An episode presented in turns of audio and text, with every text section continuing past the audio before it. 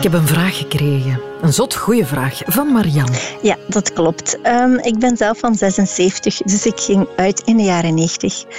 En um, ik heb uh, tamelijk jong kinderen gekregen, dus twintig jaar later begonnen die dan uit te gaan. En we hadden het eens over uh, de vijf van de vorige avond. En ik zo, ja, en hebben jullie gesloten? Ja, ja goede vraag, ja. En mijn zoon zei dadelijk, wat, dat doen ze wel niet meer, hoor. Marianne weet niet of ze dat meteen goed begrepen heeft, dus ze vraagt door. Wordt er niet om twaalf uur de muziek stilgezet en gaat er dan een half uur lang trage nummers? Mijn kinderen lachten mij eigenlijk gewoon uit. Op geen enkele vijf worden er nog slows gedraaid. Want, zeggen de kinderen van Marianne, dat is toch gewoon... Awkward. Cringe. Skeer, of wat zeggen die nog allemaal? Alleszins, Marianne zit met veel vragen. Is er een oorzaak? Is het misschien door MeToo? Of is het al langer gestopt? Ik weet ook niet wanneer. En die is het misschien al vijf jaar nadat ik uitging gestopt. Ja, ik zou het ook zo meteen niet kunnen zeggen. Ik stam ook nog uit het zweterige tegelplakkertjes-tijdperk. En ik ben eigenlijk net zozeer verbaasd. Wat is er in godsnaam met de slow gebeurd?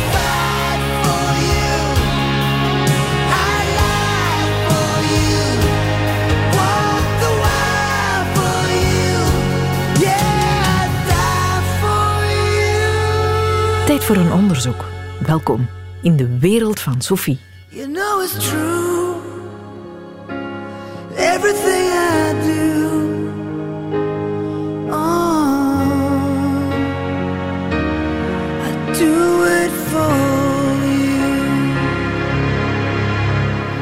Een onderzoek dat we beginnen bij DJ Frank. Frank van Herwegen, al 36 jaar DJ op trouwfeesten, vuiven, discotheken, festivals en voor de radio. Hij is door die lange staat van dienst dus uitermate geschikt om alvast in te schatten of het klopt dat de slow met uitsterven bedreigd is. Wart Bogaert zocht hem op. Ik begon meestal met de deur in huis en dan begonnen de mensen te dansen en te feesten. Maar ja, natuurlijk, mensen houden dat niet vol. En dan, ja, soms was het na een half uur, soms was het na een uur. En dan bracht ik het tempo gigantisch naar beneden met een goede plakker. Righteous Brothers. Ja. Ik neem aan dat je dan kijkt wat er gebeurt. Durfde je dan meteen daarna nog zo'n plakker draaien of volstond het dan wel? Nee, dat was eigenlijk een beetje traditie en dat was een, een, een publiek geheim of een ongeschreven wet van twee slows, vriend.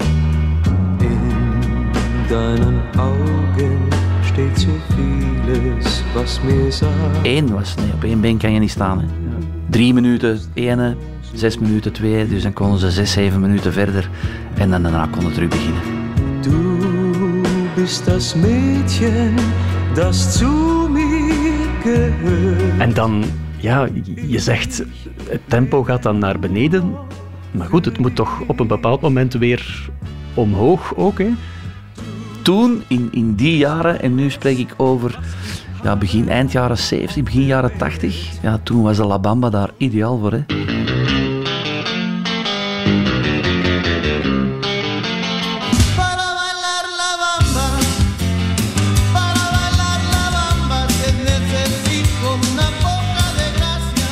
Buffer tussen het hele trage en het stilletjes aan weer op tempo komen, dat was La Bamba.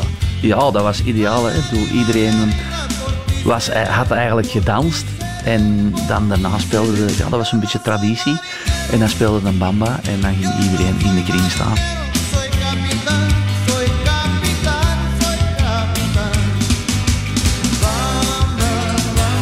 Was dat vooraf berekend? Ik bedoel, vier snelle, één trage, ik, zeg maar zoiets. Of is dat puur op feeling dat je dat deed? Dat is puur op gevoel. Nu zitten we eigenlijk in het tijdperk van de USB-sticks. En heel veel DJ's maken een lijstje, een playlist. En ik denk dat ik een van de weinigen, of toch, er zijn er niet zoveel die echt nog altijd gewoon op hun gevoel draaien. En, en dat was toen ook, en dat is nog altijd een key, vind ik, in, in het DJ zijn. Om in te spelen op mensen hun gevoel. Dat kan je niet op voorhand inschatten. Ik weet wel dat een slow gaat werken. En ik weet wel dat een La Bamba gaat werken. Maar ik weet niet wanneer. Dus we hebben nu Righteous Brothers gehad, Peter Maffay, om te verhinderen dat het hele spel in elkaar steekt, ben je bij La Bamba. En dan gaat het daarna weer helemaal vol een bak zoals voor de slows? Ja, dan, dan is het terug opbouwen geblazen. Hè. Ik bedoel, dan moet je terug uitpakken met ja, echt een, een evergreen, een hit.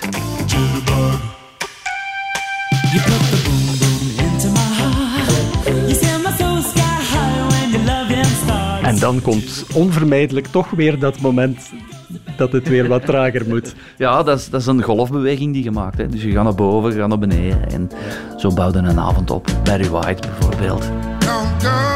That, trying to please me.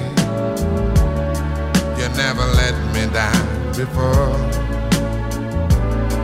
I don't imagine you're too familiar.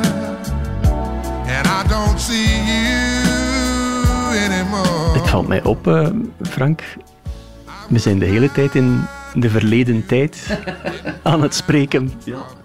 Is de slow dood? Wel, mijn ervaring leert toch een beetje dat dat, ja, dat is heel fel verdwenen. Ik ga niet zeggen dat hem dood is. Maar het is toch met uitsterven bedreigd, denk ik. Want, want ja, ik zelf, ik kijk nu puur naar mezelf. Ik, ik draai 250 tot 300 keer per jaar. Dus dat is vrij veel. En ik speel zelden slows. Geen Righteous Brothers meer? Nee. Geen Peter Maffay meer? Nee, absoluut niet. Uh, zelfs op de trouwfeesten die ik doe. Uh, vroeger was het standaard. Openingsdans is een slow. En de bruid verwisselt van, van partner met... met vermenigvuldigingsdans. vermenigvuldigen. Um, en de hucklebuck. Ja, ook nog zoiets. Dat, dat is ook een, uh, een changer. Nee, ik, ik zie nu... Uh, ik heb laatst nog een, een bruiloft gedaan. En de openingsdans, om maar iets te noemen, was.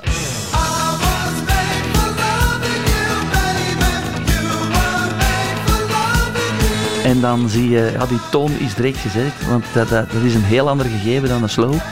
En ja, die mensen hebben dan, een, een, het koppel, bruidskoppel, heeft dan een dansje, een heel choreografie ingestudeerd. En die man die haalt zijn luchtgitaar boven. En ja, dat is een heel ander gegeven dan vroeger. Zelfs op grote festivals. Uh, ik sta op Tomorrowland, ik, ik, ik, sta op heel grote festivals. Ik doe Back to the 90s in het Sportpaleis van Radio 2 en M&M. En ook daar worden slows gedraaid, maar dat is in een totaal andere vormgeving dan vroeger. Dat wordt nu gedraaid als ambiance. Ik heb bijvoorbeeld Angels van Robbie Williams gespeeld. Ja, dat is puur bedoeld als meezingen. Er wordt dus niet meer op gedanst. Er wordt, niet meer, er wordt wel gedanst, maar er wordt meer gezongen dan, en, en gesprongen dan... Ja, er wordt niet meer gesloten. Oh,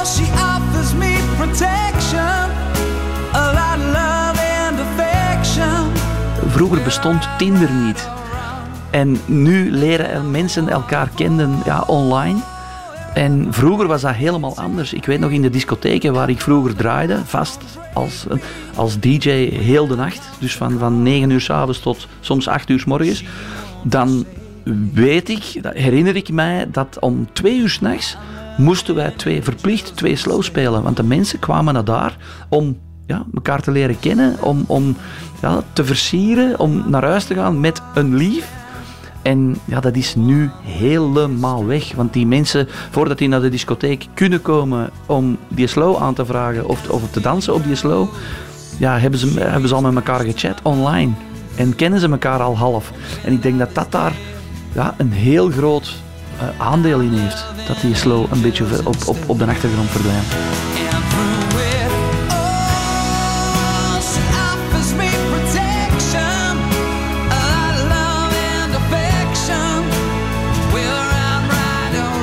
Je heimwee naar de slow? Nee, eigenlijk niet. Pas op, dat is mooie muziek en ik luister nog heel veel. Ik heb op mijn Spotify heb ik een lijst met alleen maar slows. Een beetje de knuffelrock cd's van vroeger. Ehm, en ik luister daar heel graag vooral naar die muziek van de 80s, vind ik, vind ik de max. Je neemt ze niet meer mee naar feestjes? Ik heb ze nog bij, want heel af en toe gebeurt het wel eens dat ik ze dan draai en de mensen zingen dat mee. Dus al die slows die worden eigenlijk zo ja, heel, heel veel meegezongen. Ja, het is heel hard veranderd.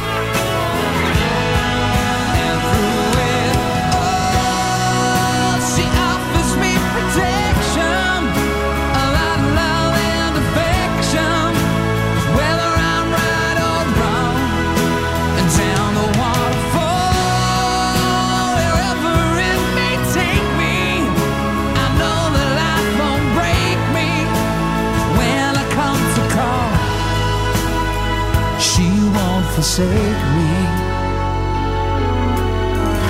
I'm loving angels instead. Zou dat het antwoord zijn? Is de slow simpelweg overbodig geworden omdat we elkaar online al een beetje hebben zitten aftasten en dat dus in levende lijven niet meer zo nodig is? Iemand moet dit ooit al eens bestudeerd hebben, dachten we. Wel niet dus, hè? Er is nog nooit onderzoek gedaan naar de slow, naar de opkomst en de teloorgang van de trage.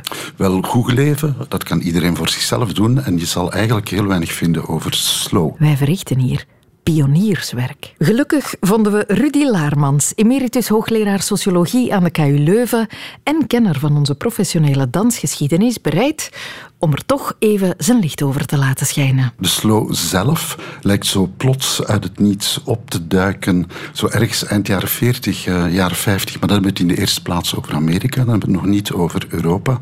Je ziet wel dat er nog een, een uh, zekere relatie is met meer formele vormen van dans. Ik denk bijvoorbeeld aan de foxtrot, natuurlijk veel sneller qua uh, ritme. Maar in de houding, dat is wel interessant. In het begin zie je dat de armen nog worden gestrekt, maar uh, in een gebogen houding, met de handen in elkaar. Dus dat er een zekere afstandelijkheid nog is in dat slowen, dat toch wel aansluit bij dat ja, meer rituele van oudere dansen. Terwijl wij de slow precies toch associëren met een, ja, een vorm van intieme dans, vorm van, van lichamelijke intimiteit en daardoor ook wel van erotiek.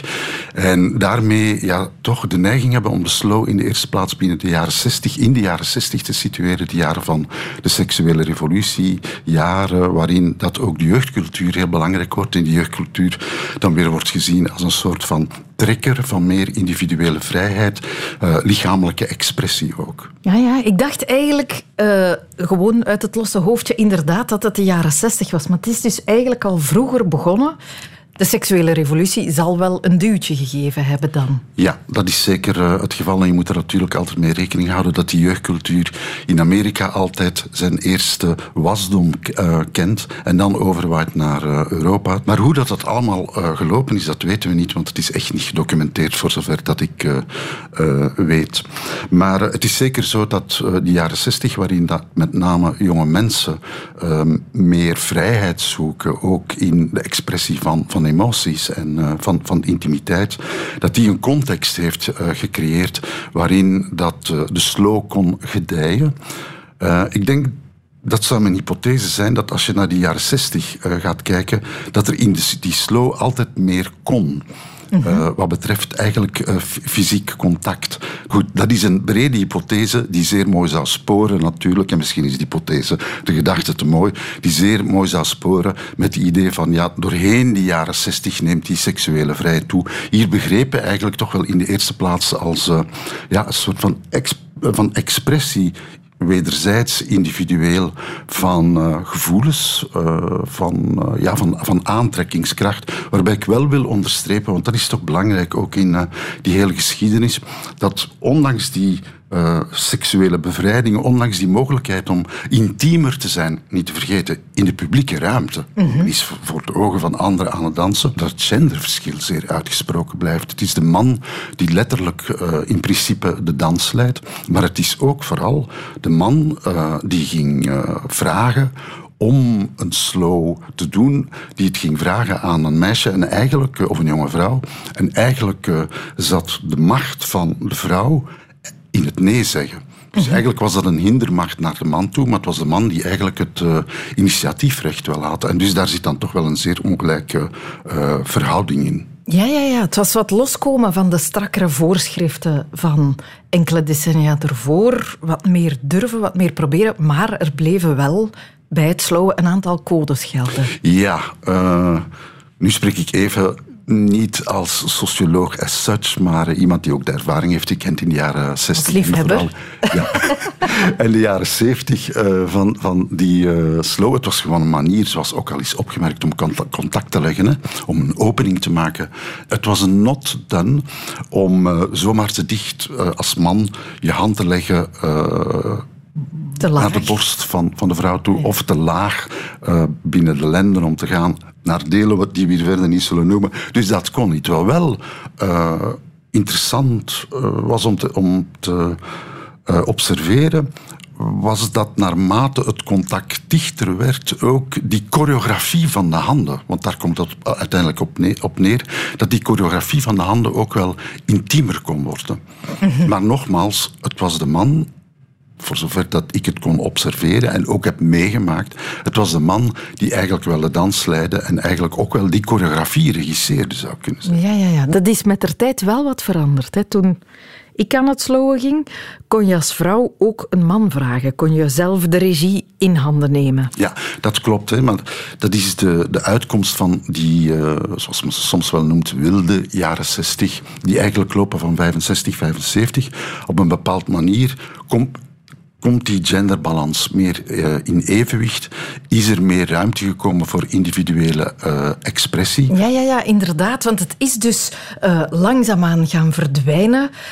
DJ Frank oppert dat het ligt aan het feit dat we elkaar op andere manieren ontmoeten. Het hoeft niet meer. We zijn niet meer aangewezen op de dansvloer. Ja, dat is zeker waar. Hè. Dus met de doorbraak van de digitale samenleving en dan in het bijzonder van de smartphone en dan nog applicaties als Tinder is het helemaal niet meer nodig om naar iemand toe te stappen. Alles is bemiddeld via een beeld en niet door de fysieke realiteit van een man uh, of een vrouw. -hmm.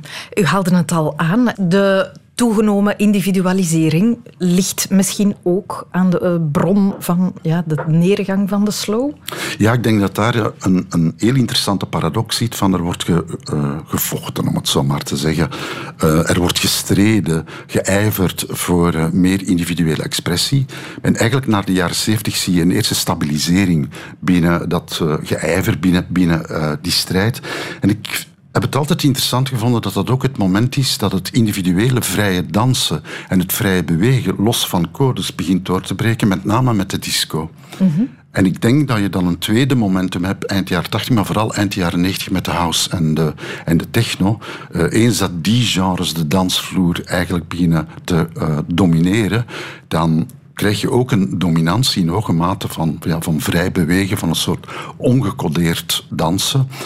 Uh, je kan je armen en je benen uitslaan zoals je wil eigenlijk. Maar het is een individueel dansen dat nog alleen maar rekening houdt met de ander als uh, ja, iemand tegen wie dat je kan aanbotsen. Maar niet meer als, dat is denk ik het heel belangrijke, niet meer als een danspartner met wie dat je de dans eigenlijk uitvoert. We gaan als individu meer op in de groep dan dat we een partner zoeken om ons aan te klikken. Ja, ik denk dat je daar een heel belangrijk punt hebt. Je hebt eigenlijk een massa van individuen die zich vrij wanen en ja, ook wel vrijheid uh, ervaren natuurlijk in de manier waarop dat ze uh, dansen.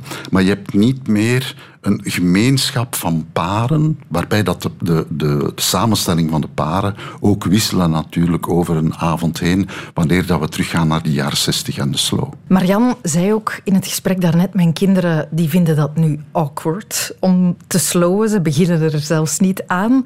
Is het lichamelijke contact met iemand die je niet kent of niet zo goed kent ook moeilijker geworden? Dat zou kunnen en MeToo heeft dat zeker nog moeilijker gemaakt. Maar uh, natuurlijk, de, de neergang van de slow is ingezet lang voor uh, MeToo. Is het lichamelijke contact moeilijker geworden? Ik denk dat je dat moet koppelen aan iets dat ik daarnet ook heb gezegd, namelijk uh, lichamelijk contact binnen de publieke ruimte. Mm -hmm. De jaren 60 uh, waren de jaren van de seksuele revolutie en voor mij uh, is het symbool daarvan eigenlijk het kussen in de publieke ruimte. Ah ja. Op het moment dat dat ingeburgerd raakte, dan, dan was er echt iets veranderd eigenlijk. Hè? Dat de intimiteit in de publieke ruimte eigenlijk zichtbaar is, is geworden. En ook werd geuit, intieme gevoelens, op die toch wel zeer uh, directe manier. En ik denk, als we het over uh, een verandering in de publieke ruimte hebben die daarmee geassocieerd is, dan is het eigenlijk dat het intieme, fysieke contact, dat meer achter de coulissen terug uh, is komen te zitten. Wat eigenlijk zou je kunnen zeggen, bekeken vanuit de jaren 60, een conservatieve uh, ja, evolutie is. Ja, dat is interessant. Onlangs zag ik een koppel nogal expliciet kussen. En ik schrok omdat ik besefte hoe lang het geleden was dat ik nog echt mensen heb zien muilen, om het dan maar zo te zeggen, want het was met speeksel en tongen en zo. Maar eigenlijk, dat is waar, ook dat is een beetje van het straatbeeld verdwenen. En dat zou je kunnen koppelen, maar nu zitten we echt in de sociologische speculatie, hè, aan een bredere verandering binnen onze cultuur. Uh, weg van, laten we zeggen, het publiek beleven van het romantische ideaal. Het is gek dat er nog geen onderzoek naar gedaan is. Het zou wel mogen.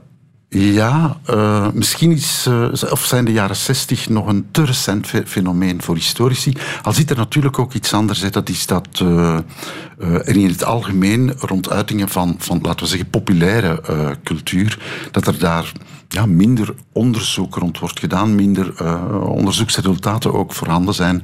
Daar rond eigenlijk de de meer als hoog ingeschaalde, legitiem ingeschaalde vormen van, van cultuur. Kijk, de professionele dansgeschiedenis, die is gedocumenteerd. Ja, wat er in Vlaanderen is gebeurd, in bijzonder vanaf de jaren 80, dat is echt goed gedocumenteerd. Maar als je gaat kijken naar de populaire vormen van dans, uh, vormen van zoals dat dan heet social dance, dan zie je dat er eigenlijk quasi niks voorhanden is. En dan heb ik eigenlijk de reflexiteit om dat daarmee te beginnen, omdat er weinig visuele documentatie is. Er waren geen smartphones waarbij dat de hele tijd uh, gefilmd werd. Dus je moet het hebben van oral history, van mondelinge geschiedschrijving. Uh, ik heb het nog echt meegemaakt. Er zijn mensen die nog iets ouder zijn. Uh, die het hebben meegemaakt dat eigenlijk die slow zo'n belangrijke vorm van, van communicatie was naar onbekenden toe. Uh, maar die generaties blijven natuurlijk niet eeuwig leven. Ja, ja, ja. Dus bij deze een oproep aan. Aan iedereen, hè? Aan historici, sociologen, psychologen, ervaringsdeskundigen om het wetenschappelijke onderzoek dat Rudy en ik hier eventjes opgestart hebben verder te zetten. Want voor je weet zijn we allemaal dood hè? en sterft naast de slow zelf ook de herinnering aan de slow met ons. En schoon zijn die herinneringen. Ja, je had plakkerige zweetlijven en van die stijve harken en zo, maar je had ook lang verwachte vragen, de verhoopte uitnodiging en de van zo'n nieuw, onbekend lijf tegen je aan. Dat dan verbazend goed begon mee te deinen met jouw lijf. En... Al ja, er kon zo van alles ontstaan. In sommige gevallen ook iets blijvends. Dries en Bibi zijn al meer dan 25 jaar een koppel. Al sinds hun lijven elkaar leerden kennen eind vorig millennium op een Poperingse dansvloer. Ze hebben elkaar na die ene tegelplakker nooit meer losgelaten. Dries uh, was de DJ in duo met zijn beste maat. Zombie en Eater heten ze. En jullie deden wekelijks uh, de thé dansants, vuiven, in uh, een van de twee zalen in Poperingen.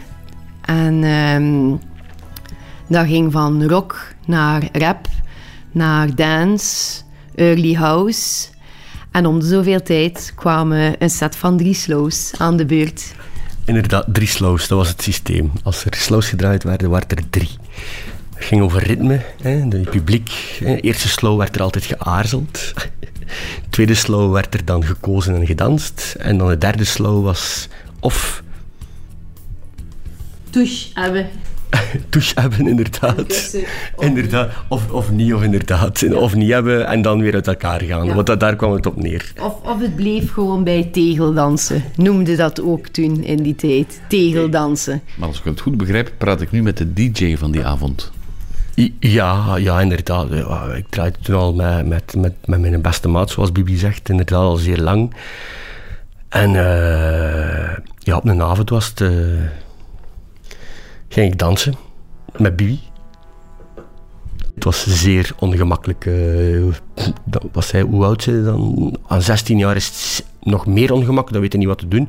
Maar zelfs aan 18 of 20 jaar, dan is het nog altijd zo van even ja, gaan dansen, sloken vragen. Vandaag wordt, wordt dat niet meer gedaan, maar in de tijd wel, maar dan, je moet dat wel gaan vragen. Je kunt niet zomaar...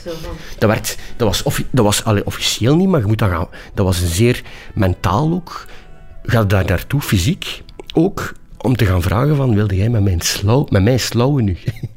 dus dat was totaal anders dan vandaag, denk ik. Je hebt het van de andere kant gezien, hè? Ja, ik dacht, dacht dat ik nooit ging vragen. ja, als een man u komt vragen om te dansen, dan word je een beetje verleid, toch? Klinkt dat nog in uw hoofd, dat moment? Eh, weet je nog welke muziek het was? Ja, uiteraard. Uiteraard. Ehm, ons nummer was Time of My Life. Van toen ook sterke film, Kaskraker, eh, eh, Dirty Dancing. Now the time of my life. Het leuke aan dat nummer is dat het is meer dan een slow. Er zit ritme in, het is geen tegeldans. En als je dan het geluk hebt, en dat is belangrijk, dat je man goed kan dansen, is het heel fijn om te dansen. Ja, we moeten het misschien eens over de techniek hebben, want slowen is een dansstijl, hè? Mm, eigenlijk niet, denk ik. Het is gevoel. en, en, en, en durven eigenlijk. Oh ja, het is moeilijk. De- voor een vent is dat, is dat niet gemakkelijk. Ik zei het daarnet al. hè, Je moet durven, maar dan moet ook nog kunnen.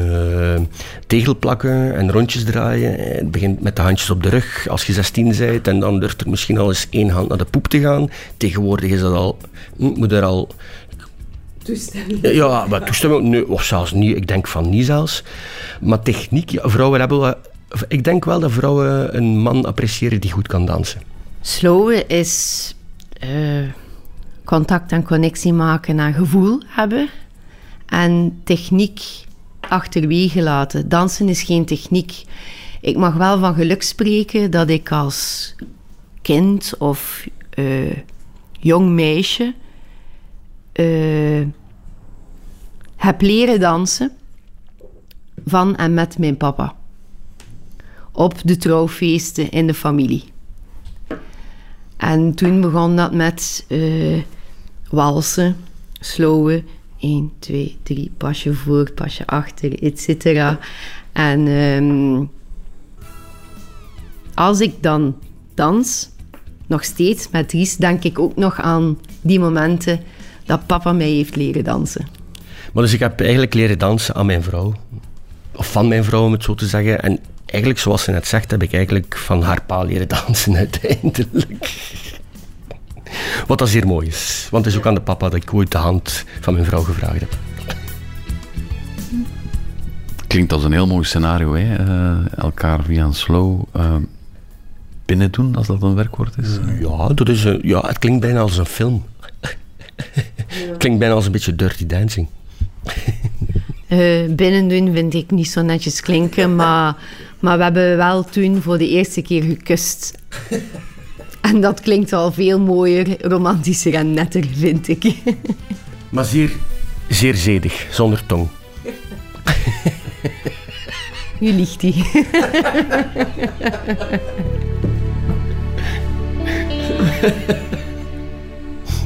Jullie slowen nog altijd, heb ik het gevoel. Ja, ja, slowen. Wij dansen nog graag samen.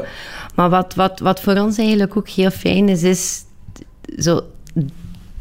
Ik, denk 12 oktober in Belfort, in Poperingen. Time of my life. Dat we gekust hebben. Dat, dat, dat, vergeet je nooit. En toen uh, Dries mij had gevraagd, uh, eerst hand gevraagd aan mijn papa en dan aan mij gevraagd, Bibi, wil je met me trouwen? Uiteraard. Er was geen moment nodig om na te denken, welke openingsdans gaan we doen? Het was gewoon, zeker, d'office, time of my life, punt. En niks anders. Slowen is, dat is, een, dat is, een, dat is een gevoel, dat is, dat, dat, is, dat, is, dat is plezant, je hebt een directe connectie, dat is, dat is, het is een ervaring, dat, dat maakt iets los. Of het nu goed lukt of niet, dat maakt niet uit, maar het is altijd, slowen is altijd plezant. Het maakt, het maakt iets los en het gaat misschien verloren op dit moment. Ja. En mijn idee is dat de afstand wegneemt. Je komt gewoon samen. Arm in arm. Allee, buik aan buik, hoofd dicht bij elkaar. Je fluistert iets. eh, en, en je bent toch een stukje afgeleid door het ritme, flow van de muziek die je doet bewegen. Het heeft iets ouderwets. En vroeger was alles beter. En soms moeten dingen van vroeger terugkomen. Eind jaren 90, we zijn nu 2023, dus dat wil zeggen we zijn een goede 20 jaar getrouwd. En ja, het is nog altijd the time of my life. Mee eens. Ah, de liefde. Mooi, hè? Blijft wel een rare slowkeuze, vind ik. Hè. Persoonlijk snap ik toch nog net ietsje beter de favoriete slow van Vincent Bilot. Mijn favoriet zou ik het niet noemen. Laten we zeggen dat ik hem heb moeten leren appreciëren, omdat hij simpelweg gespeeld werd op elke vijf uit mijn jeugd. Het is ook maar nadien dat ik eigenlijk ben gaan beseffen dat het een slow is met een lange en toch wel boeiende voorgeschiedenis, maar ook een slow waarvan de impact tot vandaag blijft nazinderen. Het is een nummer uit 1992, Sophie. Het werd een hit in 1993, maar het werd in mijn herinnering de hele jaren 90 gespeeld op elk scoutsfeest, op elke Giro 5. En het is dan ook een nummer dat je al meteen herkent van bij de eerste seconde. En hier wist je al, het is gekozen worden of zo ongemerkt mogelijk verdwijnen naar de toog. should stay, I would only be in your way. En hier stond ik dus al een pintje te bestellen. I Will Always Love You van Whitney Houston. Dit nummer heeft alle ingrediënten voor een goede slow, Sophie. Om te beginnen natuurlijk een goede zangeres. Whitney Houston, een nachtegaal met stembanden van goud. Een heel sterk thema heeft het nummer ook natuurlijk.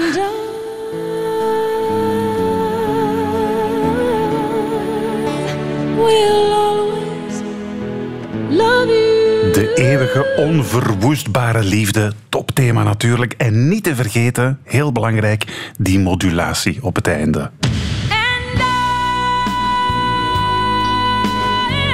Ja, dat refrein dat op het einde een sprongetje maakt naar een hogere toonaard is the oldest trick in the book, maar het werkt. Maar ja. Het doet je gemoed onmiddellijk volschieten. Zeker ook als je dus net niet uitgekozen bent om erop te slowen en je aan de rand van de dansvloer ook nog eens dus die modulatie in de maag gesplitst krijgt. Dat was insult bovenop injury. Maar genoeg over mijn jeugdtrauma's. Ik zei het al, het nummer heeft een lange voorgeschiedenis, want het origineel... Niet heel erg veel mensen weten dat, of weten dat nog altijd, is natuurlijk geschreven door Dolly Parton. Ze schreef het nummer in 1973, geloof het of niet, op dezelfde dag waarop ze ook Jolene schreef. Amai, die moet goed geslapen hebben de dag ervoor. Dat moet een topdag geweest zijn voor Dolly Parton. En in tegenstelling tot wat je zou denken, is I Will Always Love You eigenlijk helemaal geen liefdesliedje. Het is een nummer over erkentelijkheid, over iemand eeuwig dankbaar zijn. Want Dolly Parton die schreef het voor Porter Wagoner, op dat moment haar muzikale mentor. Porter Wagoner is de man die haar heeft ontdekt en gelanceerd, de man met wie ze zeven jaar lang samen heeft gezongen en getoerd, zonder dat er ooit iets amoureus tussen hen heeft gespeeld trouwens. Maar in 1973 voelt ze dus dat de tijd gekomen is om solo door te gaan. En die, die Porter Wagoner die is daar het hart van in. Zij voelt dat en ze schrijft dus I will always, always love you. Voor hem, om hem dus duidelijk te maken, kijk, onze wegen scheiden misschien, maar jij, Porter, jij zit voor altijd in mijn hartje. Uit het oog betekent niet uit het hart.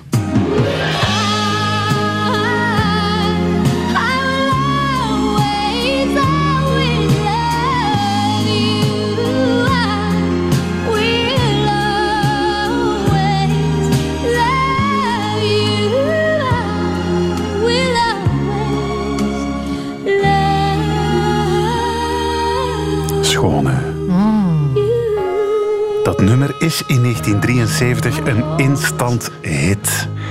En het trekt ook de aandacht van Elvis Presley. Hij wil dat nummer maar werkelijk dolgraag coveren. Hij is er zot van. Dolly Parton denkt, Elvis, tuurlijk. Wie wil er nu niet gecoverd worden door Elvis? Er wordt een studio geboekt, er worden muzikanten ingehuurd. Dolly Parton mag zelf ook naar de studio komen om eventueel wat backings te doen. Maar dan krijgt de telefoon van Elvis zijn manager, de beruchte Colonel Parker. Elvis was ready to record it. I told my friends and people that he was recording it. They had invited me down to the session. And Colonel Tom Parker calls me the day before and says, Now you do know that Elvis is recording your song, and you do know that Elvis don't record anything that he don't publish or at least get half the publishing on. I said, Really? Oh ja, zegt die Colonel Parker, één klein detail. Je weet toch dat je de helft van je uitgeefrechten aan ons moet afstaan als je wil dat Elvis je nummer opneemt. Eh, pardon, zegt Dolly Parton, de helft van mijn rechten op dat nummer afstaan? Ik dacht het niet. I said, I can't do that. Obviously, this is going to be one of my most important copyrights, and I can't give you half the publishing. That's stuff that I'm leaving for my family. And he said, Well, then we can't record the song. And I was just heartbroken. I said, Well, I'm really sorry, but I can't do that. I Will Always Love You is een van mijn bekendste nummers uit mijn repertoire. Zegt ze, dat, dat is mijn appeltje voor de dorst. En bij uitbreiding dat van mijn hele familie. Sorry, ik kan daar niet mee instemmen. Het breekt haar hart, zegt ze. Maar er komt dus geen cover van Elvis. Maar zeg. Doodjammer, want Ja. je, je had dat toch willen horen. Elvis die I Will Always Love You zingt. Ik probeer het me in te beelden. Gelukkig, Sophie, is er een Elvis impersonator, zo'n Elvis-imitator, die het eens heeft ingezongen op YouTube. En dat, dat geeft wel een impressie van hoe dat moet geklonken hebben. Zo'n duet tussen Dolly Parton en Elvis Presley. And yet I know that I think of you each step of my way. And I will always love you. Er komt nog een extra snik in dat nummer, vind ik. Het is dus niet de echte Elvis, maar geef toe, het was mooi geweest. Ja. Het nummer is natuurlijk wel door ja, echt honderden artiesten gecoverd, eh, onder meer door eh, Linda Ronstadt. En dan in 1992 is er dus The Bodyguard. De film over een steractrice die beschermd moet worden voor een stalker door haar bodyguard op wie ze, je zult het altijd zien, toch wel verliefd wordt. Zeker. Aanvankelijk ziet het er helemaal niet naar uit dat I Will Always Love You het themanummer van die film wordt, want normaal zou Diana Ross de vrouwelijke hoofdrol spelen. En het nummer dat ze aan het einde zou zingen was What Becomes of the Broken Hearted. Het is pas wanneer Whitney Houston aan boord is voor de vrouwelijke hoofdrol dat haar tegenspeler Kevin Costner met het idee op de proppen komt om die oude country ballad van Dolly Parton van onder het stof te halen. Dolly Parton die zit in 1992 in de auto wanneer ze de versie van Whitney Houston voor het eerst op de radio hoort. En het is een klein wonder dat ze niet in de vangrail is geknald. When I heard her sing it, I could not believe it. I was driving at that time from my office in Nashville to my house in Brentwood, and I heard it when she started singing that a cappella. And it, it took a minute to realize. And then when, when it went into the with the music part where she said, and I, I honestly thought I was going to have a heart attack. Ze dacht dat ze een hartaanval zou krijgen. En dan had ze de verkoopcijfers nog niet gezien. Want de soundtrack van The Bodyguard groeit uit tot de best verkochte soundtrack aller tijden. Whitney's versie van I Will Always Love You wordt de best verkochte single van een vrouwelijke artiest ooit. Het wordt zo'n wereldhit dat iedereen intussen denkt dat het nummer van Whitney Houston zelf is. Maar dat kan Dolly Parton eerlijk gezegd weinig schelen. People say, well, that's Whitney's song.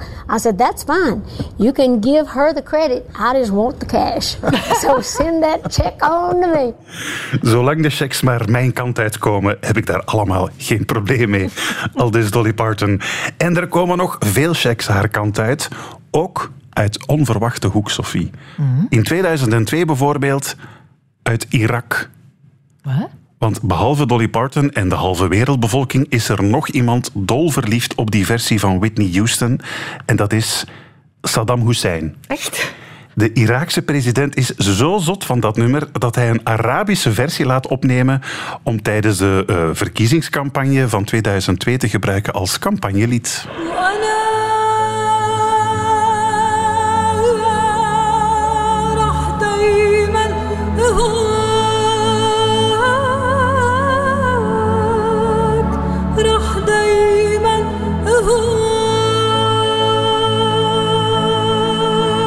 Er staat wat haar op mijn Arabisch, maar wellicht zingt ze iets in de trant van hoera, hoera, leven Saddam. maar het wel werkt. Ja, het werkt ook inderdaad, want Saddam wint die verkiezingen met 100% van de stemmen. Amai. Dan is dat een efficiënt campagnelied. Supergoed gedaan. En er loopt in het Midden-Oosten trouwens op dat moment nog iemand rond met een serieuze boon voor Whitney Houston. Iemand die niet alleen haar muziek waardeert, maar echt verliefd wordt op Whitney Houston en echt door haar geobsedeerd raakt. Osama Bin Laden. Dit is niet waar. Dat is echt waar. Osama Bin Laden haatte Amerika en alles waar het voor staat. Maar als Whitney Houston op de radio passeerde, dan ging de tulband uit en danste hij graag de beentjes van onder zijn jellaba. Schattig. Althans, dat beweert een van zijn maîtresses die na zijn dood uit de biecht klapte en een boek heeft geschreven over Osama. En ze schrijft daarin dat hij dus verschillende keren heeft geprobeerd, Osama, om Whitney Houston te ontmoeten. Dat hij er ook van overtuigd was dat ze uiteindelijk wel met hem wilde trouwen. Dat hij zelfs een villa, een mansion voor haar liet bouwen in Afghanistan, voor als ze dan getrouwd waren. En hij zou zelfs plannen beraamd hebben om Whitney Houston's toenmalige echtgenoot Bobby Brown te vermoorden. Mo. Oké, eerst even die Twin Towers, maar daarna moest Bobby Brown dus over de kling gehaald. Dacht hij dat Bobby Brown in de In die Twin Towers, wie weet. Ja, het zou zo maar kunnen. Maar het blijft dus ook nog... Hoe ver zijn we ondertussen? 30 jaar na die eh, versie van Whitney Houston blijft dat dus een meezinger. Of je nu wil of niet, onbewust begin je dat nummer mee te kwelen. Dat hebben ook de makers van Bodyguard the Musical ondervonden. Want dit eh, voorjaar is er dus een musicalversie van die film in première gegaan. Met als apotheose uiteraard I Will Always Love You. En tijdens de voorstellingen in Manchester, in april was dat, gebeurde er dit.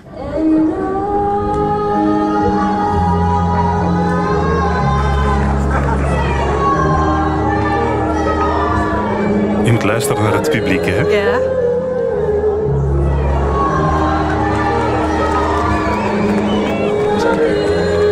Twee vrouwen in het publiek lieten zich dus zodanig meeslepen dat ze luidkeels mee begonnen te zingen en helaas nog niet eens in de buurt van de juiste toonaard. Sophie, de gemoeder in de zaal, die raakte zo oververhit. Mensen werden daar zo lastig van in de zaal dat de security die twee dames uit de zaal is moeten komen ontzetten. En daar zijn beelden van die vrouwen die verzetten zich nog even. Get off me, roept de een. You can do that, roept de ander tegen die security agent. En je ziet dat die echt aangedaan zijn, want ze bedoelden het niet slecht. Het was gewoon sterker dan hij zelf. Dat, dat- dat is de kracht van dat nummer. Dat, dat doet je gewoon spontaan losbarsten om mee te zingen. Maar het mocht niet baten. Uiteindelijk kwamen zelfs de lokale ordediensten eh, de zaal binnen om die twee vrouwen uiteindelijk de zaal uit te, eh, uit te leiden. En de voorstelling is zelfs stilgelegd. Zo krachtig is dat nummer. Zo krachtig blijkt dat nummer nog altijd te zijn.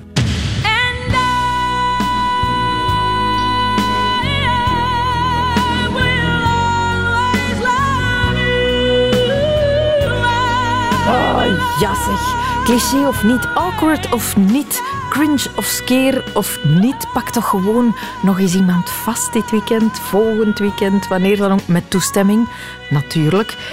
En probeer het nog eens. Een stukje te slowen. Probeer nog eens de therapie van dan dragen. Ervaar nog eens de liefde aan den lijven. Want het is te schoon om dit alles zomaar verloren te laten gaan. Kom aan, Vincent. Take me away. I will love.